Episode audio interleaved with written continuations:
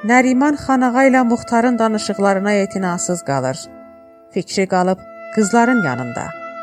Qızlar 2 2 3 3 4 4 dəstə ilə Kərvansaranın qabağından keçirlər. Nəriman umudsuzcasına qızların içində Nilfəri axtarır. Ancaq bilir ki, daha Nilfəri mədrəsə qızlarının içində görmək imkansızdır. Muxtar yenə də əlini Nərimanın çiyninə çalıb deyir: Qardaş, ağlın hardadır? Və eşitmədin xanağa nə dedi? Ağasını şəhərdən qaçaq salıblar. Nəriman gözünü qızlardan çəkib sorğulu baxışla xanağaya baxdı. O isə həyəcanlı bir halda sözünün ardını tutdu. Deyirsən bə şah bunlara dözər. Hamısı 1-2 aylıqdır. Rusların dəsisəsidir. Necə şimalda Mirzanın fitilini basdılar, elə firqanı da onun kimi yerində oturdacaqlar. Nərimanın hirs boğazını kəsir. Bu günlər xanağanın sözlərinə heç dözə bilmir. Ancaq başardıqca çalışır soyuqqanlı tərpənsin. Xanağa, sən dünən ayrı söz deyirdin axı. Əvvəlcə deyə görə o tərəfdənsən, ya bu tərəfdən. Yəni sən deyirsən firqanın kökü dibi yoxdur. Bir iki aya bətdi.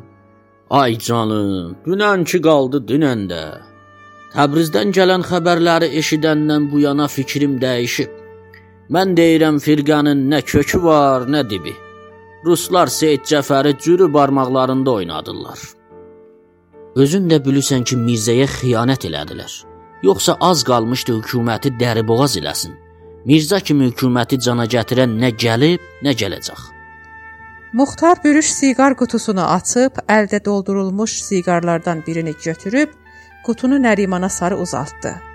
Nəriman başının işarəsi ilə yox deyib öz qutusunu cibindən çıxardıb içindəki var-yox bir gilə siqarını götürüb alışdırdı. Muxtar, sən nə o yandansan, nə bu yandan. Bunu mən də bilirəm, xan ağadan. Demək omanist bir adamsan. Axı niyə bə ağzıva qovut alıbsan? Heç olmasa sən xanağaya bir söz de. Bilirsən ki, mən haqq sözə də müxlisəm, sənə də. Təbrizdən nə xəbərlər eşidibsən, xanağa? Muxtar soruşdu. Nəriman isə kərvansara qabağında dənləyən toyuq xoruz, hinduşkalar arasında ağ bir fəri gözü ilə dolandırdı. Xanağa döşünü qabağa verib buxağını sallayanda Nərimana elə gəldi ki, hinduşka ilə xanağanın arasında çox oxşarlıqlar var. Təbrizdən nə xəbər var ki, günü-gündən vəz yaxşılaşır hökumət öz layihələrini birbə-bir icraya qoyur. Paho, dünya səslənib Nərimanın hələ xəbəri yoxdur. Məsələ qəbihdir. Karın götünə vəlim ağacı soxurlar deyir, nə taqqa taxtı. Nərimana piçaq vursan qanı çıxmaz. Xanağa Fatihcəsinə qiyafə tutub artırdı. Dünən Təbrizdə 2 nəfəri asıblar. Ad qoyublar ki, rüşvət alırmışlar. Deyirəm harda görübsüz 5 iş tüməndən ötürü adam assınlar? Milli hökumət, milli hökumət yəni bu? Kəblayı Nəriman ilə Xanağanın tartışmasını yarımçılıq qoydu. Atın ağzından su dolçasını götürüb suyun qalanını atın quyruğunun altına səpdi. Su kərvansara qapısının ağzınacan sıçradı. Milçəklər atın quyruğu altından pir eləyib uçub uzaqlaşdılar. At isə qıçını bir-iki dönə yerə vurub quyruğunu buladı. Deyəsən gizlin orqanlarının sərinləməsinə görə Kəblaydan təşəkkür elirdi. Dastanca. Kəblayı kərvansaranın sabit daşqaçısı idi. Həmişə qonut əlində işə hazır yaraq idi. Kərvansaranın qapısı açılıb açılmamış, Allahın heyvanını tövlədən çıxardıb ikisi də ayaq-ba-ayaq kərvansaraya gələrdilər. Axşamlar isə Allahın heyvanının yar-yarağın açıb daşqadan ayırardı. Daşqanı kərvansaranın həyətinə buraxıb Allahın heyvanı ilə birlikdə evə gedərdilər. Bir gün söz-söhbət arasında Kəblayı Allahın heyvanı mənə həlalımdan da qabaqdır demişdi. Məhərrəm isə Kəblayının sözünü eşidəndən bəri gün olmazdı onu lağa qoyması. Genə adı su səndən, tu səndən olsa adam yanmaz. Axı at qəhətliğidir. Allahın heyvanı da oldu at. Kəblay atıvın adı da lap elə özünə oxşur. Allahın heyvanı. Amma öz aramızda ha, biraz fikir verəndə görürəm sən ona yaraşısan. O da sənə. Demək gövdüş dığırlanıb duağın tapıb. Kəblayı yorğun arğın, heç elə bil Məhərrəmin atmacalarını eşitməyib, öz işini görərdi. Kəblayı hələ şuxluqdan keçib deyə görək. Ərəb dölündəndir ya türkmən? Olmaya Kaspiyəndir. Atca da bundan duruşuqlu olsaydı vallah hamı deyərdi Qərədağ törəməsidir. Kəblayı Məhərrəmin zarafatlarının hamısına dözərdi. Təkcə atının nəcadına toxunmasından sonra. Kəblayıya görə Allahın heyvanı dünyanın lap belə əsil nəcabətli, dözümlü və zəhmətkeş at idi.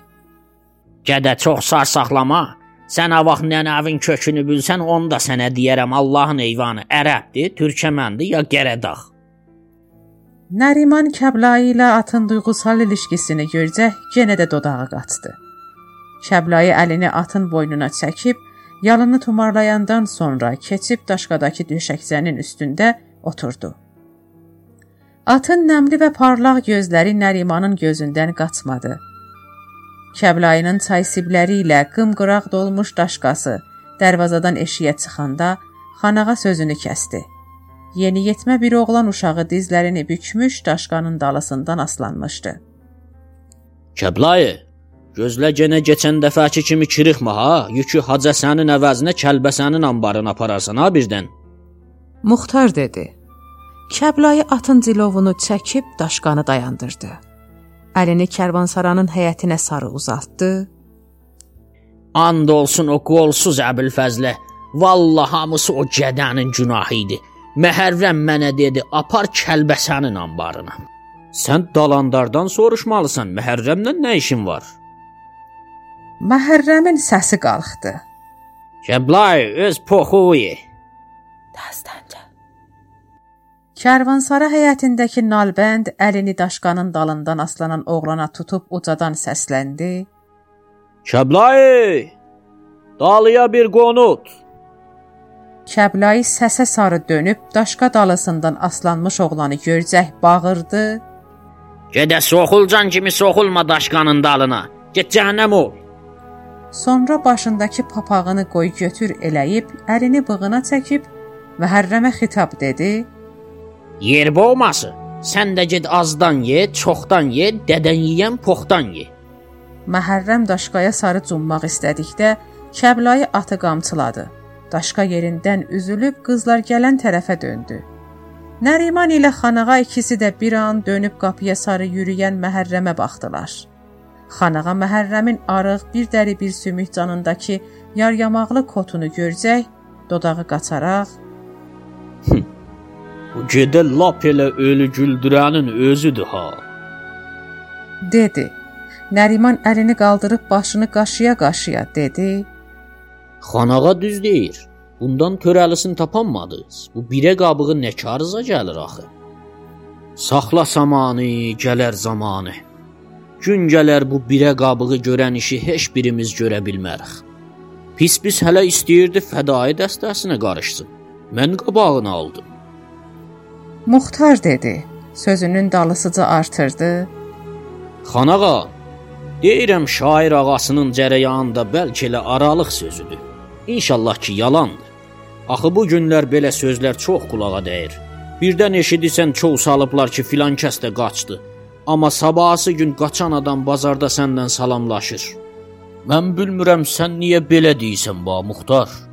Bu gün sabah kəlkətə çaylarınızı sip-sip toquf eləyəndə görüm onda da deyəcəksən bu da aralıq sözüdür.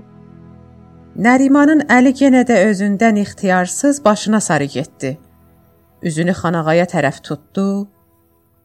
Mənə bax Nəriman. Başıva çeçəldən zaddan düşmüb. Ulan az başıvı qaşı görək. Ancaq nəsə özünü saxladı. Ağam deyir, firqəçilər gələn gündən nəmnə qədər yun alverində zərər qoymuşam. Hələ bu bir yana, bir tərəfdən də kəddinin üzü açılıb. Xanağa, bazarla işi olan kimdir? Milli hökumətin sözü yek kəlam budur ba. Deyir bazar ticarətində olsun, firqə siyasətində. Nərimanın sözü xanağanın sinirlərini cızdı.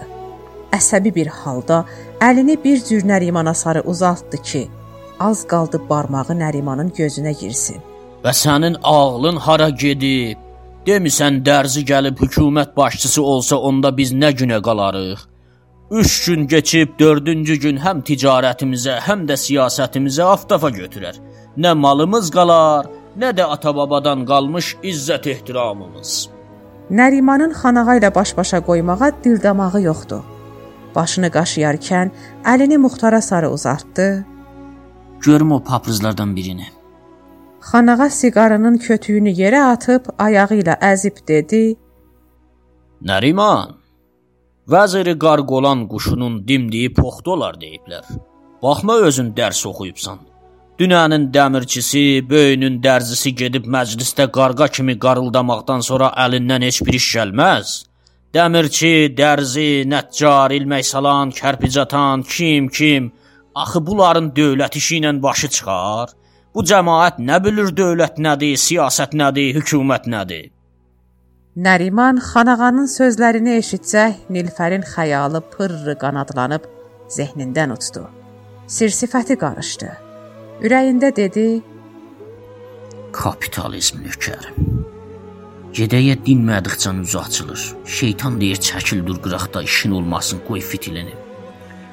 Allahu əkbər. Lənət şeytana. Bununla belə soyuqqanlılıqla dedi: Xanağa, danışmağı başar. Sən kimi qarğa kimi quş yerində görürsən. Məyə Əhməd bəradaran öz başına gedib məclisdə əyləşib. Yəni millət səncan tanımırdı onu vəkil seçəndə? Günə nə oldu binə kimi qızardın? Bəradaranı səndən çox mən tanıram. Salmasda onun dərzi dükanına da getmişəm. Lap dayaqçı dərzidir. Onda bəs sözün nədir? Mən deyirəm ki, bulamac həmişə diş çıxartmaz Nəriman. Yaxşı adam həmişə yaxşı siyasətçi olmaz. Xana, de görüm əslən sən niyə maarif idarəsindən çıxdın? Niyə bəs mədrəsəyə getmisən? Əgər millətin daşını sinəvə çırpırsan, indi bu millətin savada ehtiyacı var. De görək sən nə üçün özünü çəkibsən qırağa? Xanağa, mən acımdan ölsəm də ruslar qurduğu quşqovan dövlətə işləmərəm, deyib paprızını alışdırdı. Sonra sözünün ardını tutdu. Az bu pişəvərinin daşını döy sinəvə. Salıb çıxmamış, ölçüb biçməmiş gəlib zəmiləri bölüb verir kör kəttinin əlinə. Deyirsiz bə ərbablar, xanlar oturub hürüt-hürüt baxacaqlar? Nə vaxtacan gərək kətli qan tər içində zəmidə can qoysun, əkib biçsin, axırda səmərəsini ərbab aparsın. Hə, elə iş burada korlanır da. Mənə de görüm, cüt sürən tənbəl kətli zəmi saxlamağı başarır? Nə elmi var, nə vəsiləsi mübaşir başının üstündə olmasa, zəmilərin hamısı çöl bayıra dönər. Deyirsən bə zəmiləri parçalamaqla körkətli dönüb firqəçiyə fədai olacaq? Nərimana piçaq vursan qanı çıxmaz. Xanağa neçillik yoldaşıdır. Amma indi xırxırasına taxılmış kimi nə uda bilir, nə ata bilir. Hirsindən az qalır xanağanın xırxırasından tutub desin: "Və sənin gözün bu milləti görmür? Tacirdən tutdu müəllimə kimi, fəhliyə kimi hamı firqəçi olub.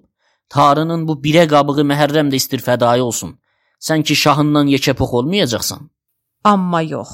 Neçə il onunla duz çörək yeyib dostluq etdiyinə görə dişini ciyərinə basıb hirsini boğur.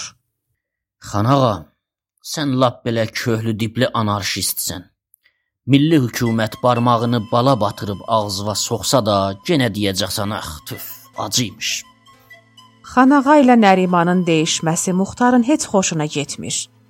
Qailəni bir cürə yatırtmalıdır. Kərvansaranın qapısı qabağında oturub onları dinləyən Məhərrəmə üz tutub deyir: "Ulan az bu kəblayı əyriş. Dur bir çaydan çay dəmlə, hacamdan da bir ponza təzə qovrulmuş noxud al. Biz də gəldik." Məhərrəm dişlərin ağardaraq Kərvansaranın həyətinə çıxdı. Xanağa gülə-gülə dedi: Vallah bu gədənin üzünü it yalasa doyar. Səhər yuxudan duranda üzünə bir ovuc su da çıxmır. Məhərrəmin üz gözü elə çirkə soy idi ki, elə bil günü başa-baş kömür xəkə yükü daşımışdı. Oğlanın yanında it pişik kimi bir-birinizə atılmayın. Bir dənə salavat göyürün, qutarıb getsin. Muxtar dedi. Sonra da Xanağa ilə Nərimanın qolundan yapışıb üçü də birlikdə həyətə sarı çıxdılar. Nəriman həyətə çıxa-çıxa zehnində taxta qapının taylarındakı gül mıxları saymağa başladı. Kitabın adı Quşlar daha qorxmurlar. Yazar Rüqəyyə Kəbiri. Bu kitabı səsləndirdilər Nəyirə Ərdəlani, Mehdi Miyablı, Fatimə Nəcəfzadə. Düzənləyən Səccad Müslimi. Bizim axağa qatılmaqla işimizin ardını tutmaqda bizə dəstək olun. Axağımızın adresi Dastanca D A S T A N C A